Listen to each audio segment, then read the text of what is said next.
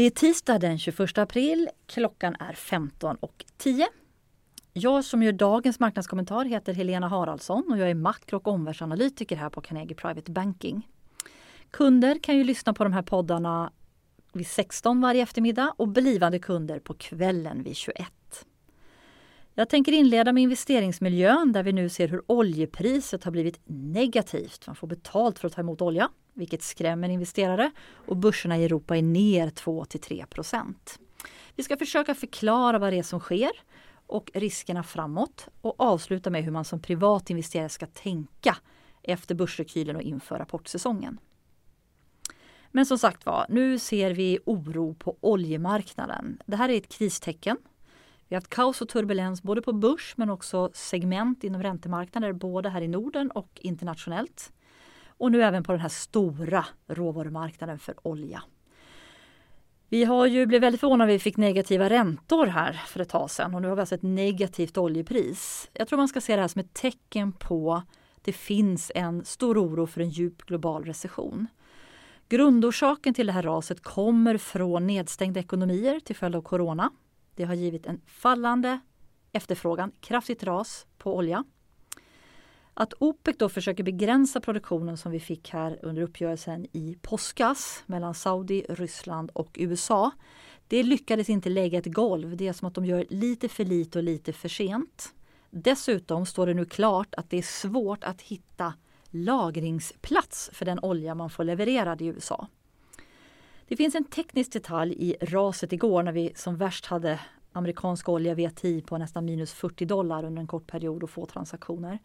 Det är att idag så löper avtal för oljeleveranser i maj ut. Om man då inte har någonstans att lagra den här eller inte vill ha leveransen då måste man ju kliva ur sin position, alltså sälja. Och då om det finns ETFer eller fonder som har legat fel, fel positionerade och vill kliva ur av ganska stor omfattning då så kan man få sådana här stora rörelser. Oron för ett lågt oljepris är inte ny men den är väldigt accentuerad med det som hände igår. Det är en stressad marknad. Eh, ett oljepris kan gynna vissa länder som importerar olja och hushåll som får lägre kostnader men det är initialt negativt för aktie och kreditmarknad. Framförallt då det ofta men likväl nu då beror på en svag konjunktur. Det är ett tecken på rådande oro och osäkerhet. Sådana här stora rörelser som vi har sett i oljepriset de skrämmer också därför att de kan bli kännbara på olika sätt hos olika aktörer. Det kan bli förluster, det kan bli kostnader. Så man ska vara väldigt vaksam och se vad det här får för negativa ringar på vattnet. Var dyker upp någon dålig nyhet? Det är nämligen så att globalt har vi ett för stort utbud av olja. Vi har svag efterfrågan på grund av corona och vi har ingenstans att lagra oljan. Så att det som har skett i USA finns en risk att det sprider sig globalt. Det här håller också Carnegies oljeteam och analytiker med om. Vi har tidigare talat om den här rekylen på börsen som varit stor sedan slutet på mars.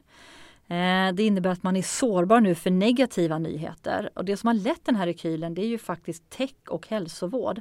Tittar vi på Nasdaq 100-index med de stora techbolagen så är det inte ens ner sedan årsskiftet. Tittar vi på Nasdaq Biotech för bioteknikbolag då är det indexet upp hittills i år. Och ni vet orsakerna till det här glada börshumöret. Det är virusspridningen som stabiliserar sig. Det är stödåtgärder från centralbanker och regeringar. Det är de här stegen mot att öppna upp ekonomierna. Vi har fått nyheter, inte om vaccin, men om då signaler om att det kan vara botemedel och bromsmedicin på väg. Man pratar mer testkapacitet. Det här gillar börsen. Allt som är steg mot normalitet i den riktningen tycker börsen om, även om det skulle ske i långsam takt. Men trots det här lägre riskläget då så har vi väldigt svag makro så det är för tidigt att blåsa faran över. Vårt råd till privata investerare är att man ska vara vaksam på bakslag. Jag har nämnt tidigare de här enorma fallen i detaljhandelssektor och industriproduktion i USA, största månadsfallen sedan andra världskriget. Vi har pratat om den här veckoindikatorn från New York Fed som rasar, som nu är på minus 11 jämfört med för ett år sedan då, med någon form av normaliserad BNP. Vi har också nämnt alla de här varslen och arbetslösa och hur det kan få bestående effekter på ekonomin, göra hushåll försiktiga och bolag avvaktande. Eh, I graferna så är de flesta makrosiffror som jag nu lägger in, de är verkligen så off the charge. De får alla normala svängningar i indikatorerna att se ut att ligga kring nollstrecket. Eh, slutsatsen kring det här det är ju att trots stora stimulanser så finns det en påtaglig risk för att den ekonomiska återhämtningen kan komma att gå långsammare än vad många tror.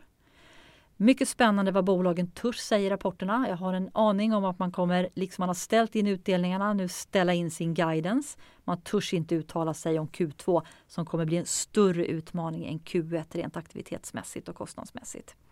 Finns det någon ljusglimt? Ja, utöver stimulanserna så tycker jag man kan lyfta fram och också spana efter i rapportsäsongen. Finns det bolag som ser förbättringar i Kina? Vi har redan sett det, både inom stora gruvbolag men också inom konsumtionsbolag, globala sådana.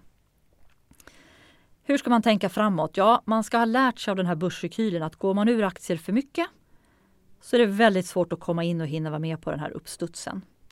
Vi rekommenderar fortfarande normal aktievikt men vi är väldigt vaksamma och tycker kunder ska vara det också på negativa nyheter, både vad gäller ekonomi och vinster nu i rapportsäsongen.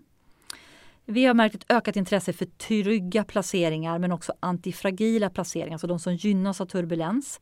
Till exempel guld och yen som vi nämnde i vår strategirapport i januari. varit väldigt bra att ha haft hittills i år. Eh, ni vet att vi har lyft fram investment grade företagsobligationer i USA och Europa som ett bra tryggt segment. Den här oljeoron sätter ju återigen fokus på kvalitet och det här är kvalitet bland företagsobligationer. De har också stöd av centralbankernas unika köpprogram. Både Fed och ECB köper företagsobligationer, särskilt investment grade. Det är också så att man som investerare om man tar en sån här exponering får en diversifiering och breddar sin exponering så man inte har bara nordiska företagsobligationer. Det tycker vi är viktigt för att sprida riskerna och få en tryggare portfölj.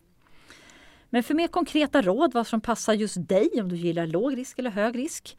Ha gärna kontakt med din aktiemäklare eller rådgivare och gärna tät kontakt i de här turbulenta tiderna. Det är vårt råd. Tack för idag!